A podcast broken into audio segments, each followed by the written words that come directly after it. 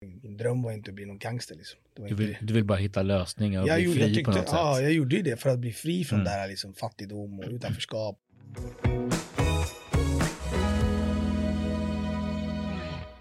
Alltså om du vill ha en förändring i ditt liv så Mm. måste du vara beslutsam. Så måste du fullfölja det och så måste du ha disciplin. Mm. Alltså, det, det, har du inte de här liksom tre, tre nycklarna där så kommer du fallera av, av, av saker och ting som kanske händer i din omgivning eller om det är känslobaserade beslut eller liksom hänger med. Och jag tror det är viktigt att man är beslutsam och förstår att det här är en resa jag måste göra.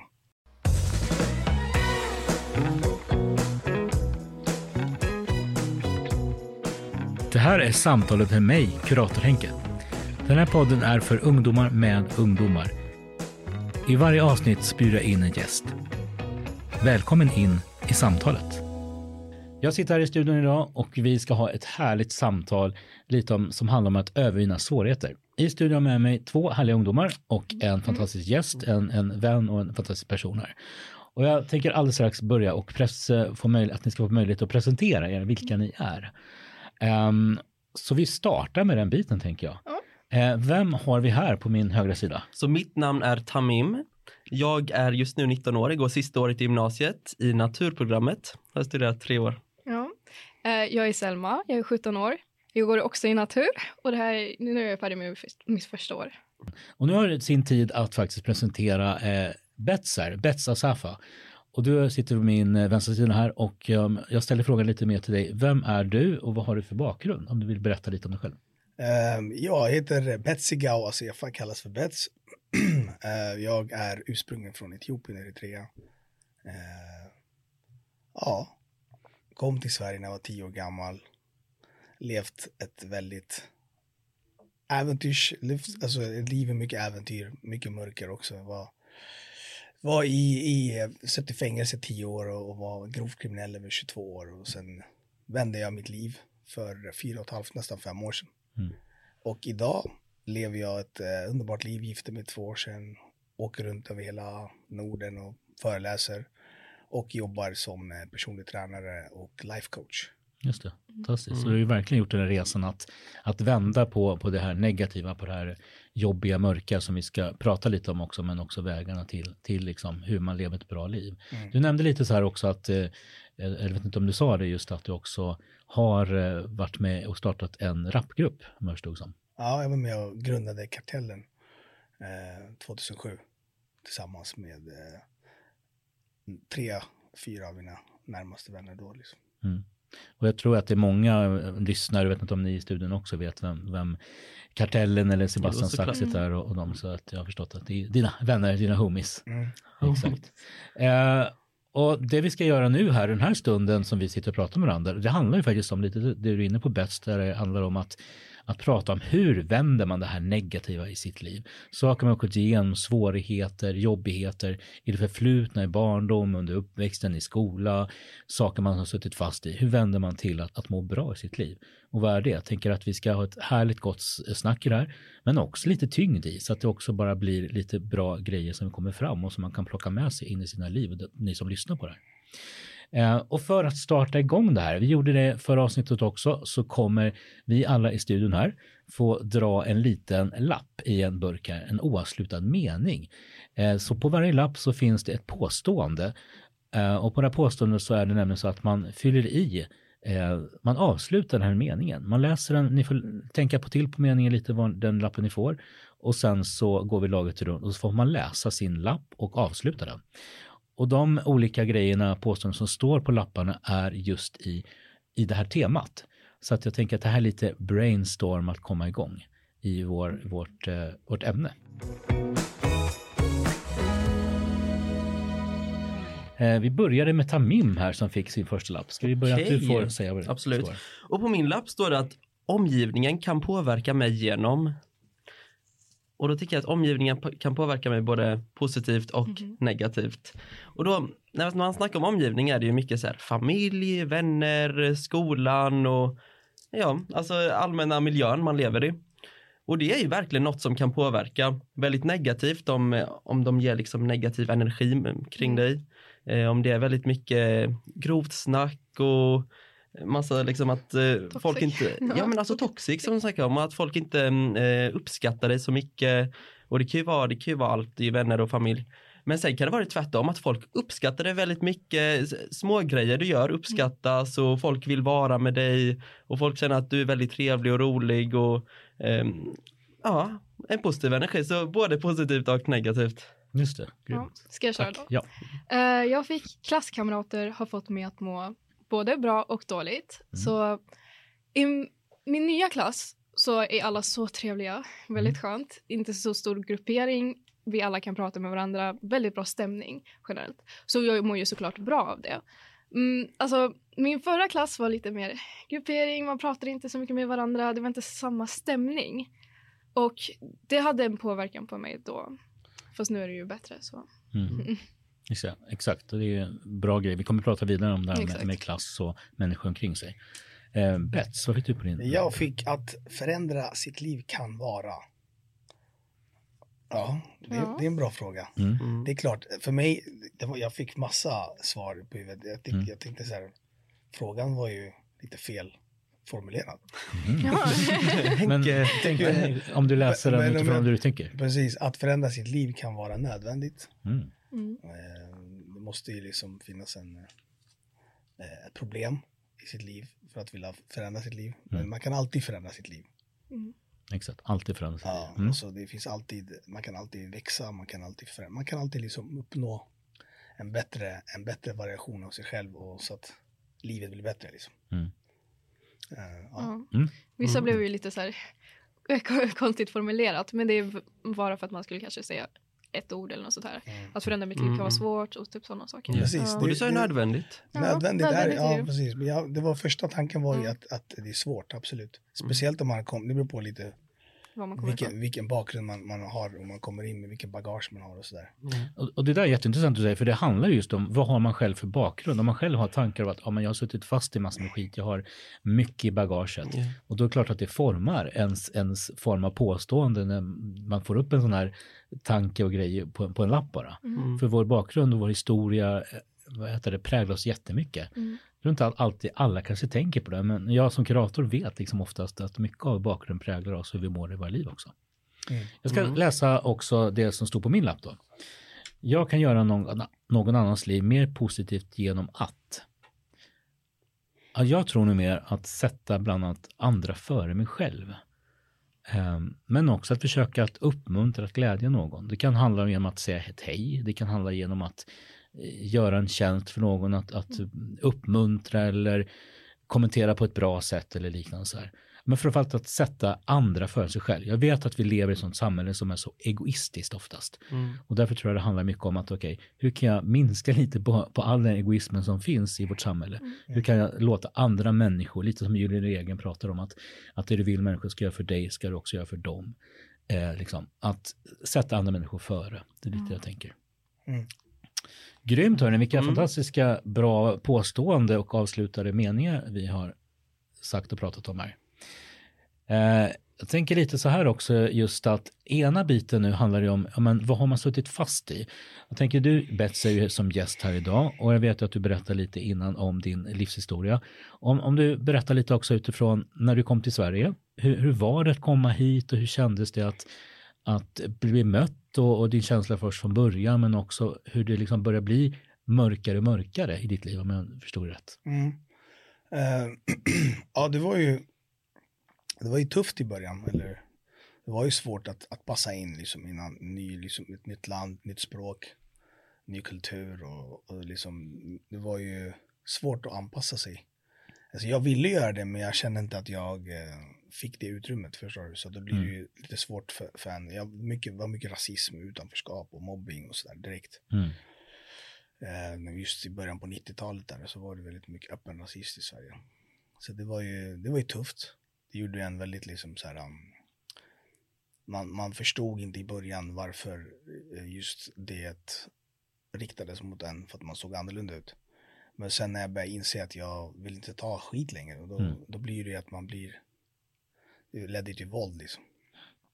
Och eh, då börjar man försvara sig själv och då var det ju, det var, liksom, det var en, en annan nivå av det sen när det blev, liksom, när, när våld var in, involverat. Liksom, man Mm. blev påhoppad och liksom, fick stryk och, av skinheads och, och eh, skrek massa fula ord igen och det, Mm. det och allt sånt där. Och då, det enkla eller det, van, det lättaste för en var ju bara stänga av känslor och, och, och eh, gå till attack liksom. Mm.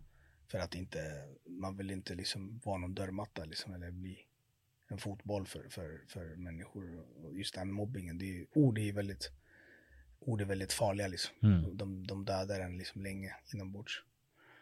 Fysisk liksom smärta kan man ju hantera liksom, men eh, orden är de som ekade länge. Och och de här orden som du pratar om, fick Mm. du uppleva det redan ganska tidigt? Var det framförallt i skolmiljö eller var det i Ja. samhället? På... Både och. Mm, Alltså både i skolan och utanför skolan och, mm, och i samhället. mm, Så det är inte som det är i dagens läge. Här är Mm. väl kanske, om det finns rasism så är det väl lite tystare kanske. Mm. Då var det väldigt öppet. Eh, det var det jag upplevde, det var det jag var med om. Liksom. Så. så att, eh, ja. Jag vet, men ibland brukar man prata om det här också att ord skapar. Jag, brukar själv prata lite om Mm. det ute i skolorna.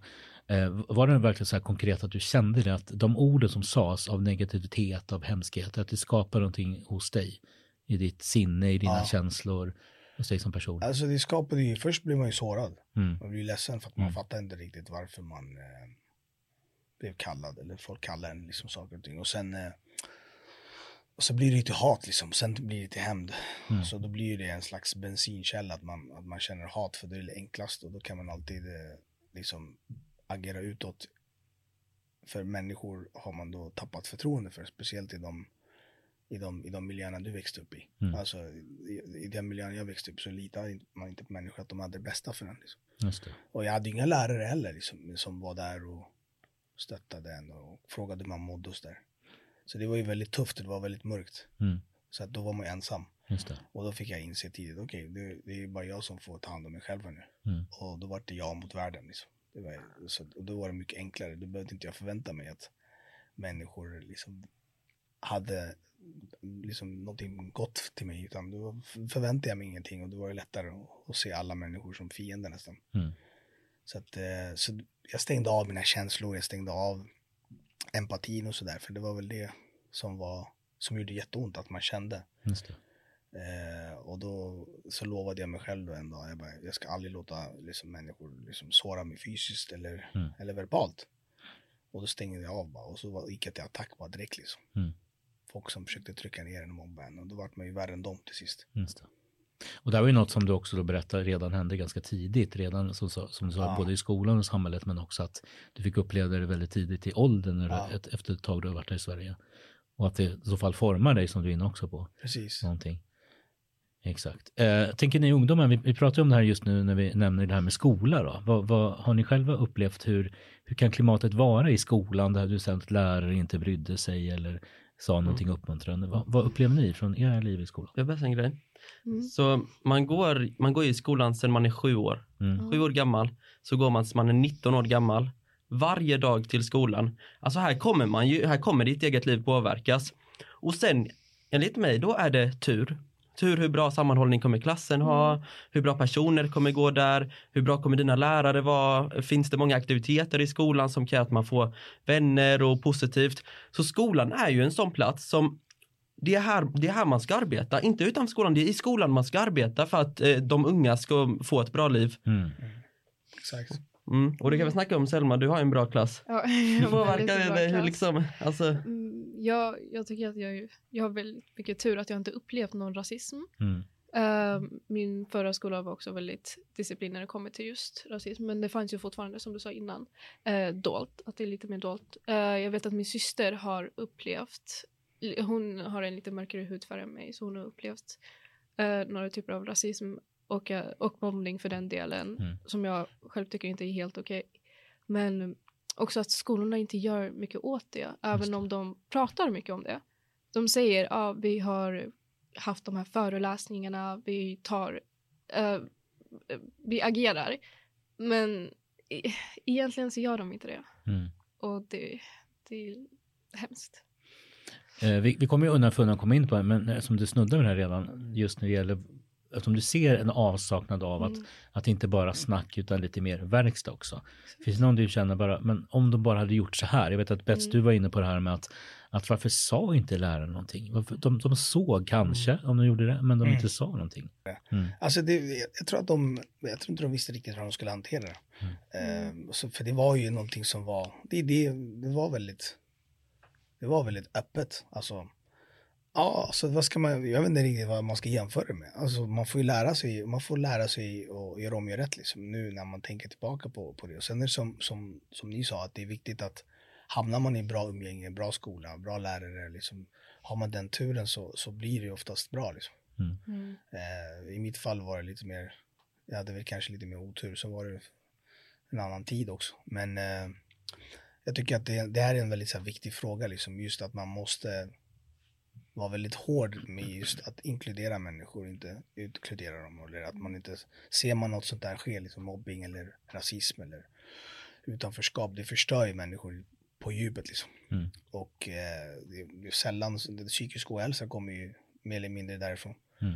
Eh, och, och det där är ju inte så mycket som människor kanske vill prata om. Eh, och då blir det att det, att det, att det bara ligger liksom i, i luften. Mm. Och, lära sig att leva med det liksom. Och så ska Mm. det inte vara tycker jag. Nej, exakt, exakt. Nej. Men jag tänkte mer att de personerna som utsatt, utsätter andra för mobbning, Mm. de inser inte hur mycket det kommer påverka den Just det. personen. Alltså det 100%. kommer ju, alltså, stick, eller hur ska jag säga, det kommer bara hålla, vara kvar Ja, absolut. jättelänge och eh, som du sa, det är jättesvårt att göra någonting emot det för att det är inte som att ja, om jag säger till dem så kommer de bara ändra sina tankar, de kommer ju fortsätta. Eh, Min syrra gick i en skola som det var mestadels svenskar. Eh, Vi Mm. snackar 99% svenskar. Och jag kommer ihåg när jag gick i nian så besökte jag hennes skola, så här prova på dag. Och jag såg rakt framför mig, rakt framför mig såg jag rasism, rasism första gången. Mm. Det var grejer från att de inkl- inte inkluderar henne. Alltså folk tror att rasism är så här, ah, nej du eh, fan drar tillbaka till hemlandet. Nej, nej, Ja, nej. Mm. De inkluderar henne inte, de delar inte powerpoint med henne som de skulle göra samma sådana grejer. Mm. Så mitt för, min första tanke när jag skulle välja gymnasium var att jag bryr mig inte om eh, hur svårt det kommer, jag bryr mig inte om det här och detta, jag bryr mig bara om en grej. Det ska finnas hälften så mycket eh, svenskar och det ska finnas hälften så mycket utlänningar. Mm. För jag själv, jag, jag är arab, men jag är född i Sverige, jag växte upp med jul varje år och allt det här liksom. Jag vet det svenska politiska systemet utan problem. Jag, jag är liksom svensk, men jag är fortfarande arab. Och jag visste att det, skolan som jag valde hade det. Och då valde jag den skolan och jag, alltså verkligen, Mm. ett så bra val. Men jag skulle inte få komma in i den om jag inte hade gått ut med bra betyg i nian. Mm. För att det krävs eh, hyfsat höga betyg för att komma in i den. Och det är därför det är synd att personer som känner som mig men som inte gick ut med bra betyg på matte och svenska och historia och allt det här på nian. De fick inte den möjligheten som jag kunde ta. Ja, alltså att de bara behöver gå då i en skola som de har valt. Som så här, Mm. skolsystemet har Ja, de kunde ta. Ja, liksom. exakt. Det är det enda som finns kvar. Mm. Och då är det oftast eh, inte så stor variation om man säger så. Precis, Ja. 100 procent. Och det blir ju jobbigt för att när jag eh, träffar någon som delar samma kultur som mig, Mm. då kan man ju klicka. Som du sa, du är arab, jag är Mm. arab. Det, det är så skönt, för Ja, då kan ja. vi ju prata om massor av saker som andra inte förstår. Absolut. Eh, och då har man inte den samhör samhörigheten. Och det, Mm. Men om jag tolkar det här lite, vi är inne på just nu, handlar ju också om att om, om man redan från, att man redan från tidig ålder, alltså i grundskolan, redan där börjar, börjar se varandra och att lärare ser, de sätter ner foten, kanske inte bara tillsäger utan uppmuntrar eller ser, bekräftar, lyfter och att man får, lika väl som att inte lärare säger någonting alls, eller personal, utan att, att man bryr sig. Och, och där vet jag inte riktigt om man känner då på gymnasiet att man känner där att där kanske är någon slags skillnad. Att man känner att man där kan hitta varandra, hitta människor som bryr sig. Du sa Selma att prata om människor som du trivs ihop med i din klass. Mm. Och andra att man också hittar ett sammanhang där man känner att här passar jag in, här funkar jag. Men det är samarbete också. Det är viktigt att man måste ha, Mm. Det måste finnas en, måste finnas en gemensam liksom, beslut, alltså regler i skolor. Att, Mm. att man inte mm, fryser ut eller att man inte, eh, utanförskapen blir väldigt liksom, den blir osynlig och synlig. Och, och det gör ju då så att, i mitt fall hamnade jag i våld, liksom. jag, Mm, jag slogs ju, förstår du. Och då tänker man oftast, att det där är en problemunge liksom. Men de förstår inte att har man tagit massa skit och mobbing och till sist har du inget annat än att försvara dig själv. Eller så försvarar du inte dig själv så går du hem och så hänger du dig. Mm. Förstår du? Och det är, jag hade en vän till mig som jag började ju alltid liksom, efter ett tag så började jag, jag fastnade på människor. Så jag, jag, till sist var det ingen som vågade mobba mig för att man, man slog sönder dem, för jag orkade inte till sist eftersom man blivit större och lite äldre. Liksom. Och så, men man märkte ju då hur man andra liksom systematiskt gick på som, som rovdjur på en och så stod de och mobbade en, en överviktig kille. Och kallade han alla möjliga ord och till det, förstår du? Och, Mm. och, och eh, jag gick alltid liksom och och backade upp honom och hoppade på de andra och slog dem. Alltså Mm. det var på den nivån. Att, och, eh, och sen var det liksom tiden gick och de fortsatte utanför skolan och det var verkligen så här. Det, sen slutade det med att han en dag hängde han sig. Mm. Mm. Alltså det kan gå så långt förstår Mm. du. Just att Mm. folk mår dåligt, alltså psykisk ohälsa, det, är- det är, alltså jag av tio liksom, fall så kan jag garantera er att det är sju, sju till åtta liksom, fall är ju på grund av att man inte eh, blir inkluderad, att man Mm. blir mobbad av, Mm. av, av människor som har varit riktigt, riktigt elaka mot dig. Mm. Och det är, det är liksom sår som aldrig riktigt läker. Exakt. Att inte känna att man får, får vara samhörig, liksom. Mm. att man inte får tillhöra. Liksom. Eh, jag tror att den här generationen är lite bättre på det än vad min generation var. Mm. Det är mycket mer liksom, Mm. större liksom, utbud på kulturer. Mm. Men bäst, jag, jag, har en fråga det. Mm. Eh, den här uh, överviktiga killen som de satt och mobbade. Eh, såg lärarna detta? Märkte de Ja. av? Det är klart de gjorde. Men Gjorde de någonting? Nej, inte vad jag såg i alla fall. Och då har jag en fråga till alla er. Mm. Varför finns det lärare i Sverige som är, många lärare i Sverige som är robotar? Alltså på riktigt, de tror att de, deras enda syfte i livet är att vi ska bara lära ut. Och det är så här, för min tanke är så här, om man utbildar sig till lärare, det är inte bara så att man ska lära ut. Exakt. Jag bryr mig inte hur bra, hur dåligt du lär ut. Du ska göra att alla elevers dag är värd att gå till Mm. skolan Mm. just den dagen. Mm. Jättebra. Jag tror så här, jag som jobbar i skolans värld vet ju också att jag, jag vet att för, för självklart lärare kan det vara en självklarhet, det du är inne på, men också svårigheter. Att veta hur gör man? Man behöver få, få glädje, vägledning, få hjälp att hur man hanterar de här situationerna. Och det man brukar prata om faktiskt i, i olika vad ska man säga, forskning och rapporter är ju att det relationella i skolan är A och O, att det är jätteviktigt. Att om en lärare skapar god relation med sina elever, personalen i skolan skapar goda relationer med, med eleverna, eleverna emellan, så blir det en bättre eh, miljö för att kunna lära sig. Mm. Och därför så är ju det här att skapa en god känsla för att fånga upp det, det, man ser och så vidare, att, att ge bra bekräftelse på olika sätt. Det är ju jätteviktigt. Mm. Och tyvärr så, så tror jag att skolans värld är lite, ja men inte, inte bara blind utan man kanske inte ser tillräckligt det man skulle behöva se. Lite fyrkantig. Ja, Alltså, den- exakt. De följer liksom en, en regelbok. Och sen, ja. Man måste nog gå utanför boxarna där. Jag tror Mm. det handlar om varje människa har en, liksom en personlig resa som de gör utanför skolan. Mm. Eh, liksom, och sådär. Och, ja, att se människor eller se ungdomar eller se dem liksom och bry sig om dem och vilja hjälpa dem. Är, liksom, det, det, det, det hade gjort en stor skillnad i mitt liv om jag hade haft någon som brydde sig om mig eller, liksom, eller visade liksom, Mm. Att den såg vad jag gick igenom. Det var ingen som kom och sa så här, hur, hur mår du Bets? Mm. Okej, vad kan jag göra för dig? Vad, hur, vad, vad, är det, vad är det liksom som har hänt? Inte någon. Jag minns inte en person som sa det till mig. Mm, mm, Eh, så säger jag ju inte att det, att det behöver vara så för, för, för... Men mer eller mindre så kan man ju säga att om man frågar människor i dagens läge som mår riktigt dåligt. Så hur är det i skolan? De vill inte ens gå till skolan. nej. Jag har, Mm. jag har, eh, jag har eh, 10, 11 elever som jag så här, riktigt, typ, där jag jobbar i Uppsala, deras värstingar Mm, som jag eh, då har hand om eh, tre dagar i veckan. mm, Och eh, de är liksom, ja, de är kaos. Mm. Riktiga gettoungar. mm, Och eh, de, hade, de har ju också en helt, en helt så här, förvrängd bild av samhället. Då. Liksom, man har sett att de har varit mobbade, de, känner, de är nyanlända. De har, så det blir ju då, hur ska man då få dem att känna sig först och främst trygga hemma där? Det, och det är ju det är ju att möta dem. Liksom. Mm. Möta dem individuellt förstår du, och, och, och ge dem kärlek och, men ändå också liksom stadgar och strukturer. Mm. Man, förstår du, man måste ju inkludera dem då i, i det här och inte, ja, där är ju värstingarna, de är, de är problem. Eller ha- liksom att, att, att, eh, lägga dem i boxar liksom. mm, Det känner man, det känner de ju av. exakt. Och det är ju typ det är den enda gången de säger till mig. Och de är allt från 13 upp till 17 är de. Mm. Och de, de känner sig liksom verkligen inte inkluderade. Vissa har svår, liksom, de har diagnoser också, många av dem. ADHD Mm. och ja det är det och liksom lite så här blandat. Och då så är det lite utmaningar såklart. Mm. Eh, men att de känner ju direkt att det är vi mot dem. Och det är precis det man måste bryta liksom. Ja. Att säga det är vi, inte vi mot dem, utan det är vi alla liksom. Mm.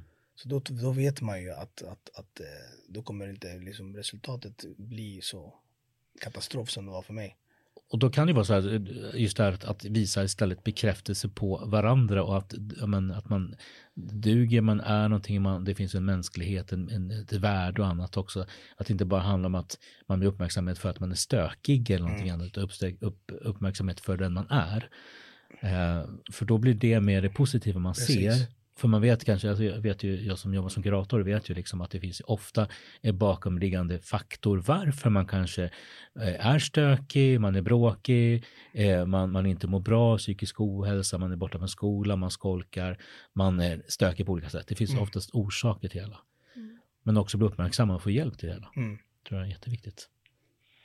Um, tänker så här, vi har ju varit inne liksom och pratat just om de här sakerna kring hur, hur mår man, hur har man, man kanske är utsatt, mobbad. Finns det andra exempel innan vi går in mer på hur, det handlar, hur man kommer loss ifrån det här? Finns det några mer exempel på hur kan man verkligen ha det jobbigt i livet? Vad är det för jobbiga grejer man kan gå igenom? Ja, det kan Mm. vara allt från eh, alltså press och stress och i skolan, alltså med mycket plugg och sånt göra, till eh, vänner och eh, alltså mobbning, utfrysning. Vad Mm. finns det mer? Eh, jag tänker mer, du frågar om det finns något personligt. Eh, Mm. Jag känner, för jag är väldigt social just nu. Mm. Men innan så var jag väldigt blyg. Jag fick titeln som den smarta. Um, Mhm. ja, alltså för det fanns ju olika roller som man hade i klasser och det Just var ju gruppering och allt sånt där. Så det blev en typ av, hur ska man säga? Stereotyp. ja, eller nej, att jag blev exklud, ex, exklud, ex, Exkluderad. exkluderad Ja. eh, i vissa saker. Kanske inte så grovt som ni hade det då. Eh, men jag har ju känt så ibland att okej, jag kanske inte passar in i just den här klassen. Det är Mm. svårt att göra vänner. Jag kan inte prata med den här personen eller vad ska jag göra nu? Mm. Det är en väldigt jobbig grej. Det har haft en påverkan på min mentala hälsa. Mm. Eh, och jag, jag är bara glad att allt är mycket bättre just nu. Mm. Just. Men det betyder ju att du har ju, har ju liksom, som du berättar just ett egna exempel på hur, Ja. hur det har varit att vara i den här rollen som man inte trivs i, som inte funkar och som känner att man inte mådde För bra. man, man får ju också väldigt mycket press. För jag hade ju rollen som den smarta. Mm. Men jag var ju inte alltid smart. Mm. Ehm, jag kan säga lätt för mig att lära mig nya saker. Men alla tror ju att ah, hon, hon får ju A på allting. Mm. Mm. Hon pluggar jättemycket, nörd, pluggis. Ja. Eh, så när jag får, man känner ju all den här pressen. Så när jag får något lägre än ett B eller A. Så fort de får reda på det. Jag, jag vet inte, jag känner mig som att jag har gjort något dåligt. Alltså jag borde inte... Man blir inte göra man- dem besvikna Ja, typ. exakt. Eller, alltså, Mm. Fast, varför borde man ens bry sig? Det är ju det, själva ja. grejen. Fast Ja. man, man gör ändå det. Mm. Ehm, och jag skäms då. Om jag fick något så här lägre än ett B. Jag skäms jättemycket. Alltså, Mm. Jag mådde så dåligt av det. För det känns, åh nej, alltså nu, nu passar jag inte in i den rollen som Nej. jag fick. Mm. Nu är jag ver- verkligen så här utanför. Ja, Ehm, precis. Men sen var du inne lite på, du, du pratade om det här då med att du, du ehm, så här var det i din förra skola och sen Mm. när du började en ny skola, du är lite inne på det, att, det blev, att du ville någon slags förändring. exakt. Och hur var det? Var, var det liksom jobbigt att, att komma igång med den här förändringen? Ja, det var jättesvårt. Ja. Ehm, som jag sa så har det ju haft en påverkan på min mentala hälsa. Mm, Eh, och det har ju lett till att jag blev, eh, eller jag fick ju depression och ångest. mm, eh, som jag behövde. Jag tänkte så här, jag måste verkligen förändra mitt liv innan jag börjar gymnasiet. Jag kan ju inte fortsätta så här. Det blir så här jättedåligt. Jag, jag fick så mycket stress av skolan. Jag lämnade, lämnade in saker sent. Jag, vill in, alltså jag mådde så dåligt, jag vill inte gå till skolan. Jag, kan, alltså jag kommer ihåg att jag inte kunde sova för jag tänkte så mycket på det. Så här, Mm. och nej, jag måste göra det här och det här. Jag har jättemycket. eh, Det var bara jättedålig stämning då. Mm. Och jag tänkte, oj, jag måste verkligen göra någonting åt det här för att jag vill inte att samma grej ska sk- ske nu i gymnasiet. Eh, så först måste jag ju såklart prata med någon, mm, eh, försöka få hjälp så att det inte, så att jag, jag kan i alla fall hitta några lösningar för det här problemet. Det jag gjorde var ju att jag kontaktade en psykolog, jag pratade med mina vänner, jag försökte skapa en bättre stämning och så ändrade jag på mitt tankesätt med mindset, Just det, så hur jag tänker det, på saker exakt. som vi kommer att prata om senare. mm, Eh, och det funkar verkligen. mm. Så jag tycker som vi sa, alltså man kan verkligen förändra sitt liv. Och även om det är så här små grejer, jag vet inte om min grej räknas som en små grej, men även om det är så här bara något litet som du vill ändra på, det går. Alltså det, det är inte hopplöst. Nej, det är fantastiskt. Det är grymt bra. Hade du några tankar? Eh, Nej, alltså det var ju, jag, jag har lösningar. Du har lösningar, det Men vi alltså, det kommer bara upp automatiskt. Man Ja, så här, ja. Varför gjorde man inte så här och så här? ja, Mm. Mm. exakt. Och så kan det vara när man, när man liksom tänker, tittar i backspegeln och så börjar man tänka på vad hände, vad jag kunde gjort på det här Precis, sättet. precis. Eh, så vidare. Eh, Be- Bets, du har också varit inne på de här bitarna kring att när, det- när det var så här mörkt i livet, både i skola och sen senare, fanns det någon tanke där bara, alltså så här kan jag inte ha det, jag måste förändra, eller bara körde du på?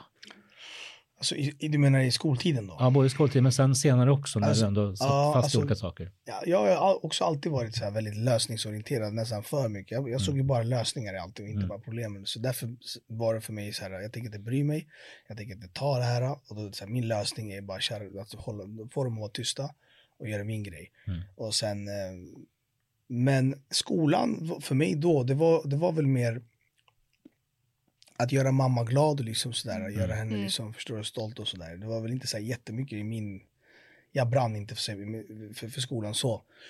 Eh, men jag var liksom, jag, jag var inte, så- jag var inte liksom en supersnille, men jag var inte dum heller. Men så jag, jag gjorde ju allting jag behövde göra. Jag höll mig under radarn för att jag levde ju ett dubbelliv under den här tiden. Mm. Eh, jag klev in väldigt snabbt i, i grov kriminalitet när jag var 14, 15, 16 Mm. där. Mm. Så jag levde ju liksom dubbelliv. Jag var ju både i skolan och skötte skolan. Men det var ju något som var trasigt inombords mig liksom, så länge jag minns. Liksom.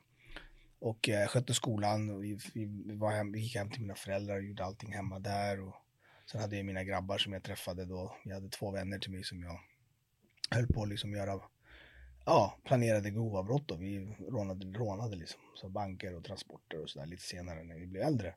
Eh, men det började med små, liksom. Så det var ju min, min, min passion eller min, min, mitt driv vart ju liksom hitta lösningar. Hur gör jag det här? Lis- Liksom, det var så här, det här är omöjligt säger folk och då, var, då gick jag igång på det. Liksom. Men då är det liksom på något sätt att ännu, istället för att vända eh, lösningar till positiva grejer, om man kan kalla det så, så, så blir det istället att man vänder till hur kan ännu djupare komma in i grejer av att ja, men hitta kanske genvägar och göra verkligen bra kupper eller vad det nu kan vara. Mm. Precis. Det var, ja, jag, trodde, jag trodde det var det som var vägen ut för mig. Ja. Jag hade ingen aning om att det var att fråga efter hjälp och kapitulera liksom helt och Mm. hållet och, och se sina, sina sprickor och brister och ödmjuka sig och, och det, det där kom ju många år, många, många år eh, längre fram. Mm. Eh, men eh, jag hade ju alltid en längtan av att liksom så här, vi, jag ville bli fri. Mm. Jag kände mig bunden inombords. Så det var ju det var som att jag trodde pengar skulle göra mig glad och fri. Och liksom jag gjorde enormt mycket pengar när jag var hela min tonår. Sen åkte jag in i fängelset. Mm. Jag spelade amerikansk fotboll innan jag åkte. Jag, var, jag hade ju liksom bra betyg i skolan. Sen hade jag liksom elitidrottare. Jag var med i elit i basket. Jag var med i Norrlandslaget i amerikansk fotboll. Så jag var ju väldigt aktiv liksom. Allt jag gjorde. Eh, och sen hann allt det där ikapp mig. Det var som att jag jagade en, en, en osynlig boll typ. Ehm, och sen sitter jag där häktad, där jag är 20 år gammal, misstänkt för 12 grova rån. Mm. Mm. Och eh, det var som att hela världen rasade ihop. Och tänkte så här, vad ska jag göra nu? Nu är det helt kört för mig. Liksom. Mm. Och eh, då tappade jag all hopp faktiskt. För då var man tänkt i en bur i 13 månader. Jag satt häktad i, Kronobergshäktet i 13 månader med fulla restriktioner. Mm. Och sen hade jag eh, rättegången som varade i sex månader. Det stod i tidningen om allting. Och, liksom, och de målade upp en bild av mig som jag absolut inte hade en aning om att jag var. Nu, nu, nu målade de upp en som en liksom, grov kriminell. Jag såg inte mig själv som grov kriminell. Jag hade ingen aning. Min dröm var inte att bli någon gangster. Liksom. Du, vill, du vill bara hitta lösningar och Jag, bli gjorde, fri jag, tyckte, på något ja, sätt. jag gjorde ju det för att bli fri från Mm. det här liksom, fattigdom och utanförskap och att inte känna att man, man, man fick mycket bekräftelse liksom också när man, när man gjorde så här omöjliga saker som var väldigt, väldigt sjuka liksom. Mm. Det, det, att råna en bank är inte så lätt som man tror. Liksom. Ja. Mm. Så, så det, det gick jag igång på. Så, här, okej. Och hur kan jag göra det här? Liksom? Så jag började liksom studera lagböcker. Hur långt straff får jag om jag... Det är så här skarpladdat vapen eller, eller, eller en attrapp. Liksom. Där, liksom, fyra år med en äkta och en falsk två år. Så visste, alltså, så det, ma, ma, det var som att hela min väldigt eh, nyfikna sinne fick massa liksom, Det var som att det är lego liksom, jag höll på att bygga någonting. Mm. Så jag, jag vet inte, så för mig var det drivet. Att känna att jag kunde koppla bort allt annat. Och göra det, jag var nästan besatt av det. Det här är ju, jag tänker, det är ju en slags strategi du börjar använda dig av Ja. redan fast du kanske inte såg det på det Nej. sättet. Så. Precis, så det var ju min strategi. Och, och, Ja. liksom, och, och dämpa det här ljudet som, Ja. som konstant bara bultade i mitt huvud. Liksom. Du, du, du är inne på den här biten om att, att prata om att man vill känna att man vill bli fri. Mm. Eh, tycker jag kunde höra det när du berättade också Selma att du ville bli Mm. fri från den här gamla rollen Ja. när du var i din gamla högstadieskola och så. Och också bara känna så här, jag vill inte ha det, jag kan inte vara fast i det här, i den här rollen Ja, eller exakt. känna mig så här. Men, men du verkade börja göra någonting ganska snabbt åt det i det du berättar. Att det kanske inte var som bäst där det tog lång, lång tid och hitta lösningar på ett negativt sätt utan det lät som att det hamnade ganska snabbt på andra, om man kan kalla det positiva Ja. lösningar. Nej, eh, i början så tänkte jag bara på problemet, på alla Mm. problem som jag hade. Mm, Eh, och det var ju det som gjorde att jag började tänka negativt. mm, Ehm, och jag ville ju bli fri, som ni sa. Mm. Eh, och då tänkte jag, okej nu måste jag göra någonting åt det, jag måste hitta någon lösning. Eh, som gjorde att jag började prata med en psykolog och prata med mina om mina problem, och Mm. vad jag kan göra. Och sen vill jag inte ge samma impression, om man säger så. Alltså, jag vill ju inte fortsätta vara den smarta personen som är blyg och pratar inte med någon och som är lite så här exkluder- exkluderad. mm. Ehm, så jag tänkte, okej, även om jag är obekväm med det så måste jag vara social, jag måste prata med andra. Jag, eh, för att jag mår ju mycket bättre av det nu. Ja.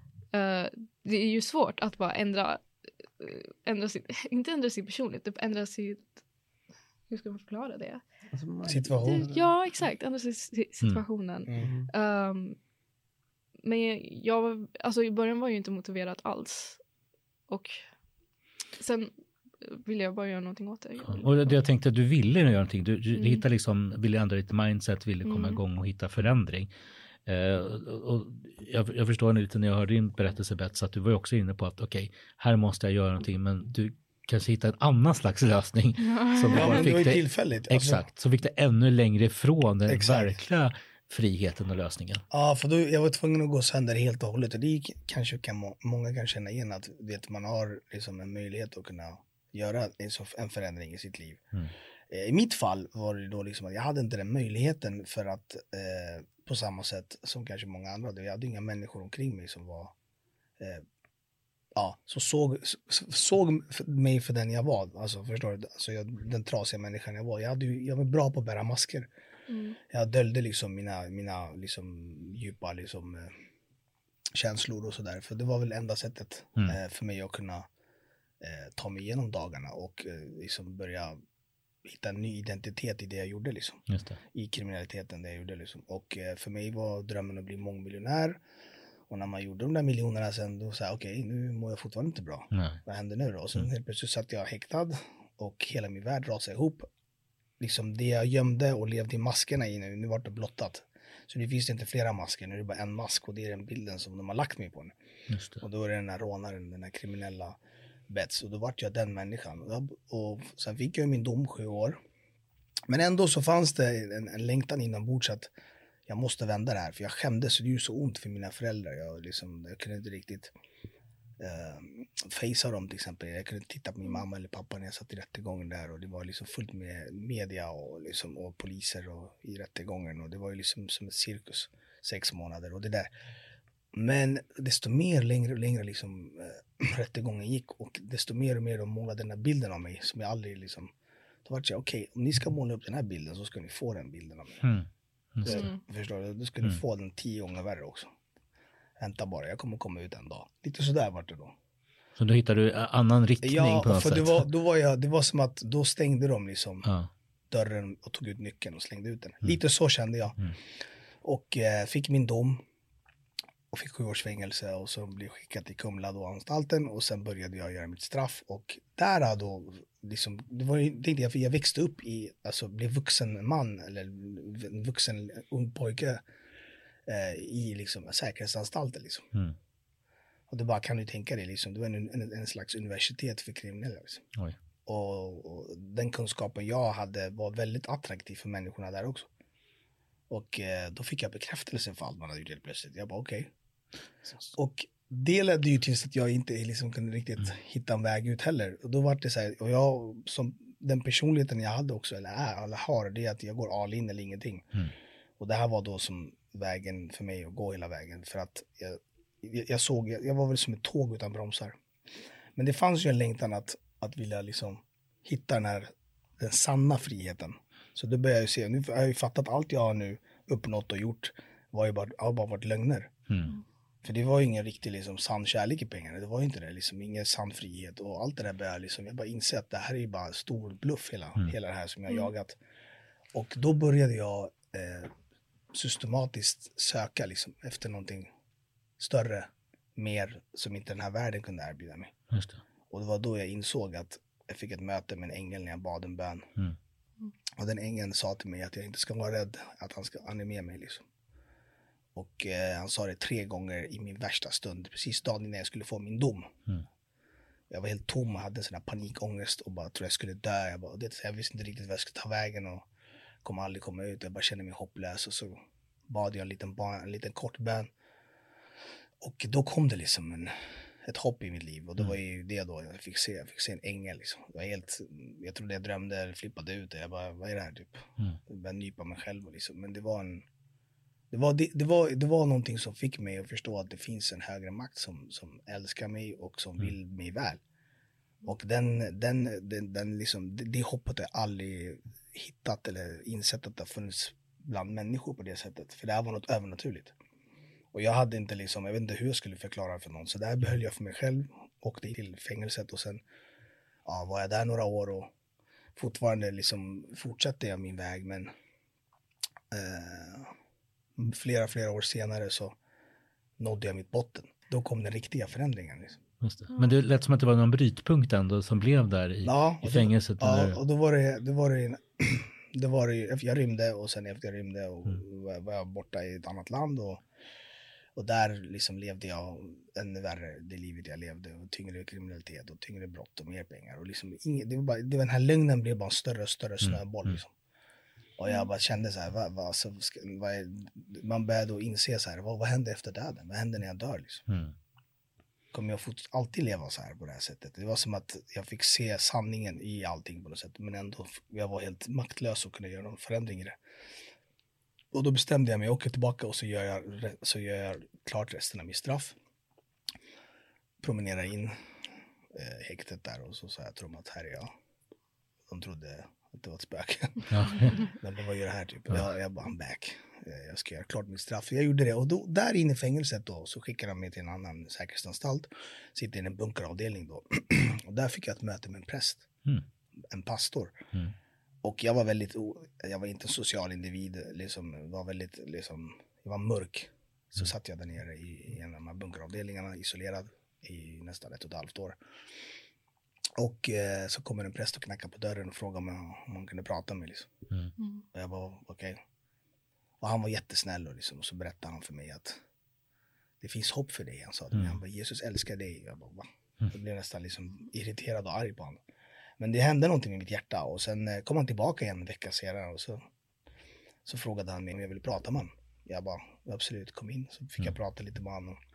Och han eh, läste upp några jättefina bibelord. Kommer aldrig glömma Psaltaren 23. Herren är min herde, mig ska ingenting fattas. Han för mig till vatten där jag finner ro. Mm. Och just den där den delen, jag varit så här, det hände någonting med mitt hjärta. Det var som att det dunkade till några gånger extra. Att han, att han för oss till vatten där vi får vila liksom. Mm. Och jag har aldrig haft vila i mitt liv. Jag har konstant gått i stress och alltid aktiv i allt jag gör och säger. Liksom. Man var ju liksom, man var en pitbull liksom, i det man gjorde. I allt jag gjorde. Och det fanns aldrig en stund i mitt liv där jag kände frid. Liksom. Så det var- det. Och där för- första gången så fick jag någon slags connection. Jag bara, där, där var någonting som hände. Jag fick frid typ Mm. två sekunder. Aldrig känt en sån frid innan. Och eh, så läste han vidare på texten då. Om jag än vandrar i dödsskuggans dal så fruktar jag inte någonting ont. För du är med mig och din käpp och din stav den tröstar mig. Mm. Och jag bara wow. Och då var det som att allt jag har liksom gått runt och känt inombords. Ensam, tom, oförstådd. Så fanns det en herde. Då var jag nyfiken, vem menar herden? Och då var det lite sådär och då förstod jag att jag, jag, var, vil- jag var vilset får. Eh, som behövde hitta hem liksom. Och i samband med det så förstod jag att allt jag uppnått, allt jag har betyder ingenting om inte jag har frid. Mm. En sann frid, en glädje där jag kan gå sova liksom på en kudde och känna glädje och vakna upp på morgonen utan att sätta på mig en skottsäker väst och gå ut och liksom göra allt, allt det här livet jag levde i, Mm. i liksom över 22 år. Mm. Och jag bara, det där är någonting som jag vill ha liksom. Mm. Och eh, det var så starkt när jag läste Psaltaren 23, när han läste Psaltaren 23. Det var som att varje ord ekade i mitt hjärta. Mm. Så slutar ju då versen då, och för evighet, och för evighet ska jag bo i Herrens, i Herrens hus. Alltså, det, så då tänkte jag, hela den, här, hela den här versen, den berättar ju typ om vad jag behöver Mm. och vad som händer med mig om jag följer den herden. Och om jag dör så kommer jag alltid vara med honom. Så det är typ klappat och klart. Mm. Så jag bara tänkte, okej, det är det här jag, Mm. det är det här jag Yes. saknat och det här jag jagat liksom. Mm. Och eh, sen går det några år, två år tror jag, kommer ut, nådde mitt botten och jag kommer aldrig glömma Psaltaren 23. Jag- Och då var då jag fick ett, en eh, avgörande liksom, stund i mitt liv. Jag hade fått ett möte med Gud men jag hade inte gått 100% med Gud. Liksom. Och då, jag levde dubbellivet igen. Och, Mm. och eh, där fick jag ta ett beslut.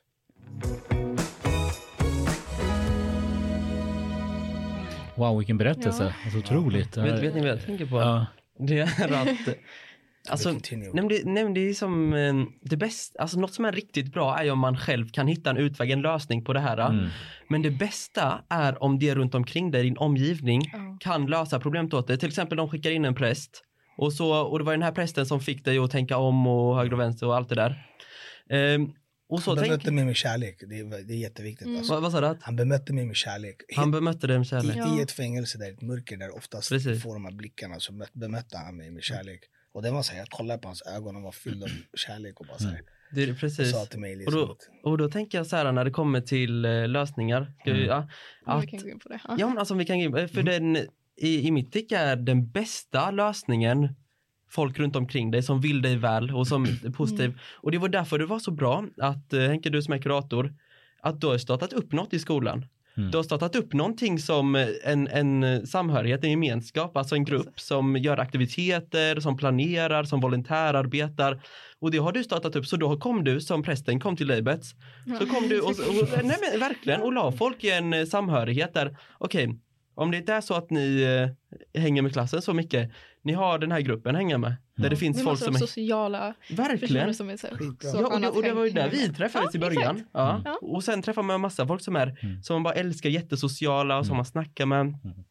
Och det är Verkligen. sånt jag tycker, att Mm. man ska komma med sådana lösningar som du gör.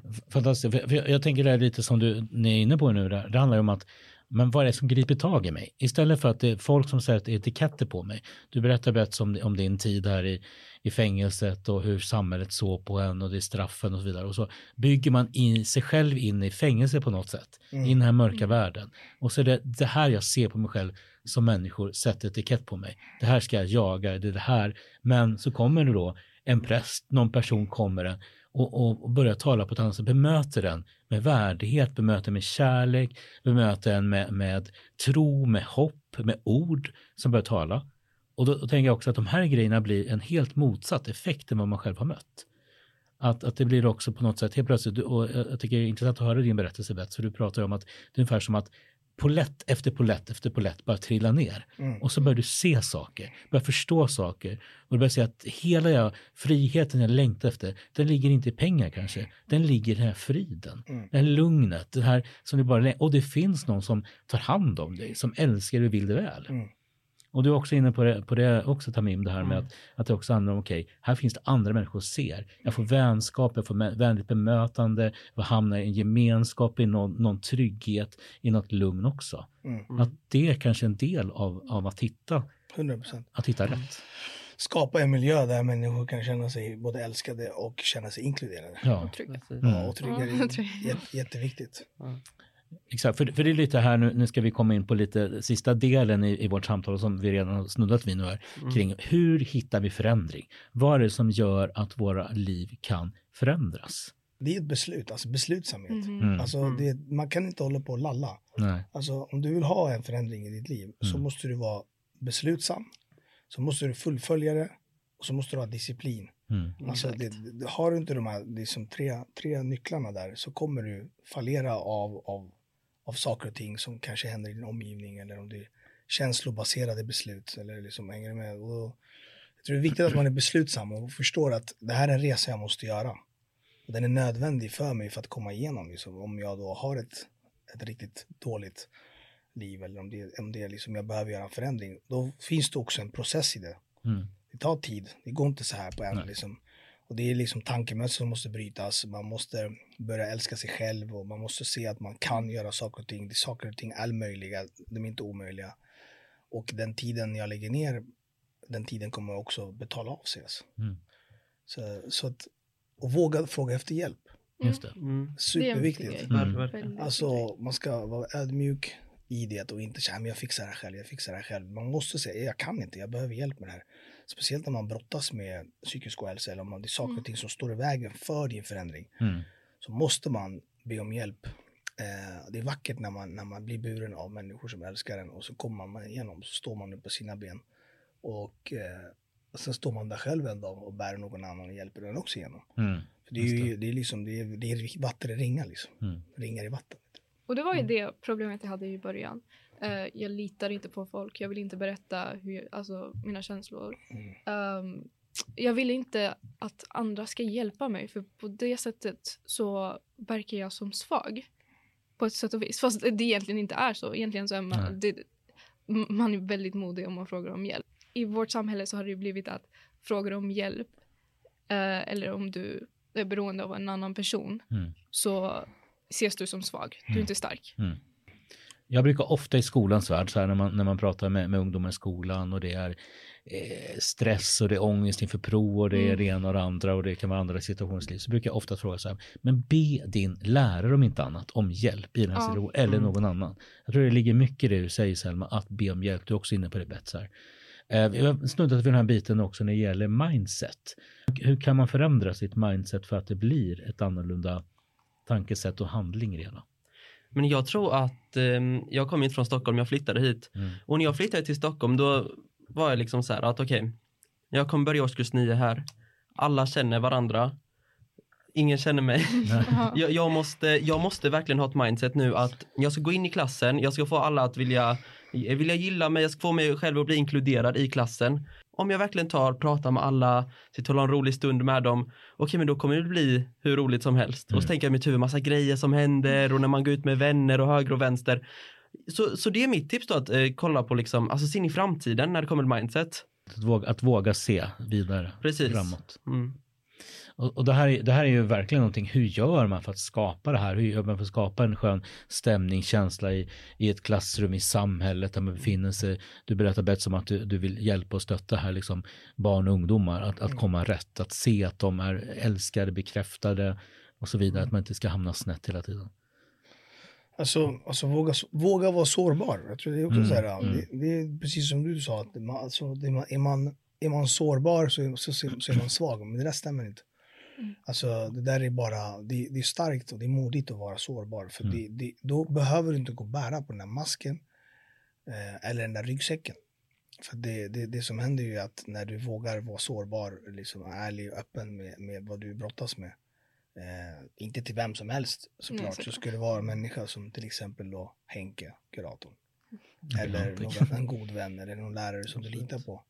Viktigt och det är bra för att när, då kommer du kunna bli beslutsam och du kommer också kunna se igenom, eh, alltså du kommer kunna se dit du vill komma. Mm. Eh, när, du, när du vågar liksom vara sårbar och ärlig med vad du brottas med. För det blir ju svårt om du har massa grejer och då ligger du på en till mask. Om du ska liksom, ja men skitsamma, det är lugnt, jag, jag, jag köttar igenom och så går du runt och mår riktigt dåligt. Mm. Och om inte du ser, vad är det du mår dåligt av? Förstår du? Så här, istället för att kolla, okej jag mår dåligt av, kanske dåligt hemma, du kanske har eh, någonting som du gått och burit på länge som du kanske inte ska bära på. Mm. Alltså förstår du, ventilera. Det är ju det det handlar om när man är sårbar. Exakt. För, förstår du? När man ventilerar. "Ah, Jag mår bra nu, vad skönt. Nu kan jag se klarare dit jag behöver gå. Mm. Så att man börjar i rätt ända liksom. Och det är ju jätteviktigt just det här att börja, börja rätt ända och be om hjälp eller att Mm. kunna våga vara sårbar och så. Men det är viktigt att man, att man är det. Det är en nyckel. Alltså Mm. det, det är en styrka att kunna vara sårbar. För att skit i vad folk tycker och tror. Och bryr, bryr inte om människor, bryr dig om dig själv. Ja, exakt. Du, det är bara det du kan göra. Du kan bara, om du ska tänka bara om, om, om Henke vill igenom så måste Henke bara tänka på sig själv. Och då menar jag på, på ett sunt sätt. Ja. Eh, inte egoistiskt då. Så att, så att man, så att det blir lätt att... Jag var till exempel väldigt bra på att hjälpa alla andra. Mm. Så här, uppmuntra, hjälpa, det, så här, sprang jag runt. För det var enkelt för mig då. Då kunde jag fokusera på några andra och inte på mig själv. Då, gör, det- då, då går jag runt och liksom, det blir ju en slags mask du går och bär ändå. Mm. Förstår du? Jag menar, så det, det är bra att vara alltså, brutalt transparent med sig själv. Mm. För att inte man liksom, tar med sig in en massa liksom, stenar från varje säsong i ens liv in i nästa årskurs. Förstår ni? Mm. Det. Istället för att rensa hela tiden. Och eh, liksom våga vara sårbar. Jag tror det är en stark nyckel för då, då blir du också så- tryggare i dig själv. Mm. Eh, vem du är och vem du vill bli. Mm. Inte att du försöker jaga och bli någon som du inte liksom, egentligen vill bli, vill bara passa in. Eh, så att, eh, ja. Jag måste säga att jag, jag tycker det här är en av de fina, om man kan säga så, faktiskt fantastiska saker att, att, att jag som jobbar som skolkurator får vara med många gånger och se människor sårbara.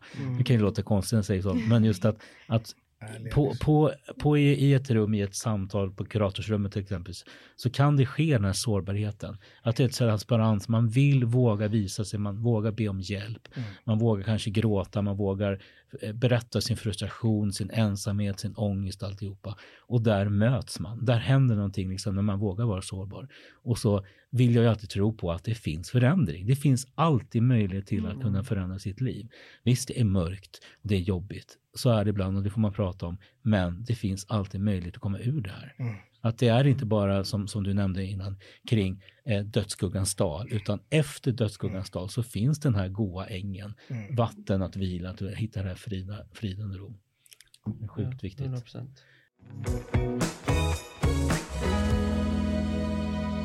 Eh, men jag tänker så här, är, är det någon fråga som vi har till varandra som vi känner att vi vill ta med här innan vi börjar avrunda? Innan vi ska ge lite tips till alla lyssnare också.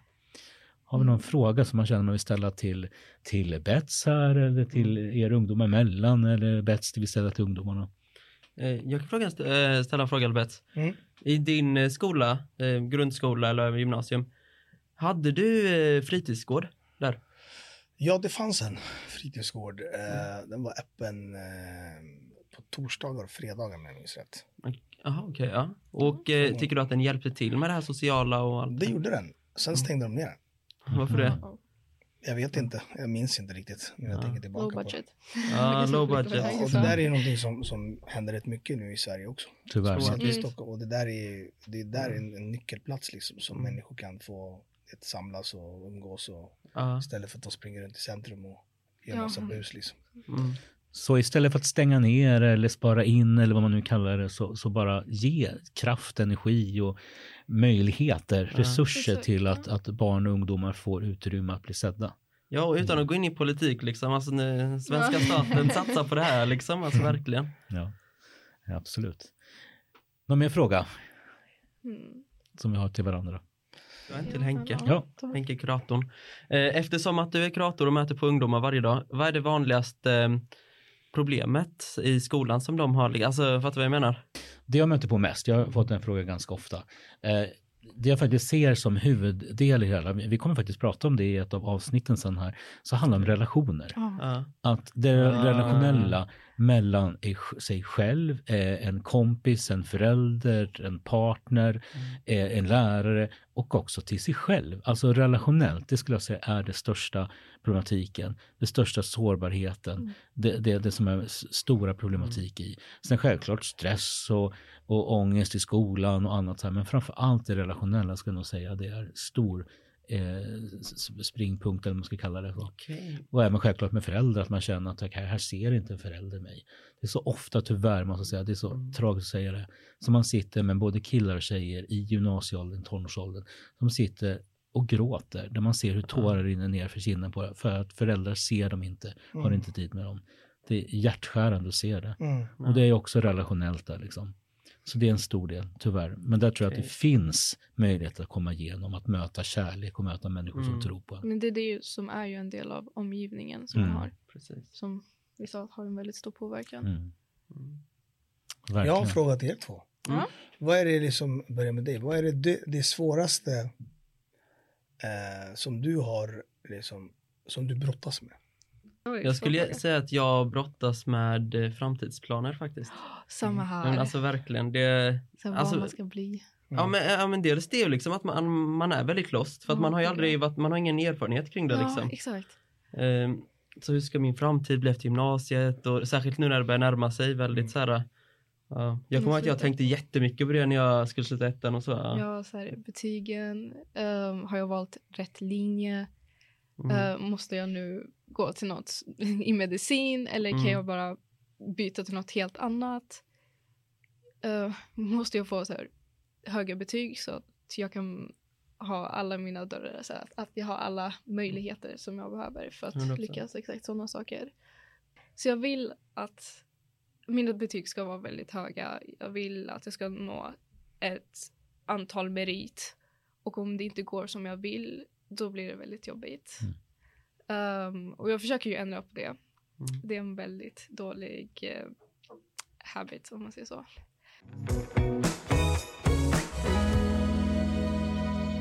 Tack så mycket för de frågorna vi ställt till varandra.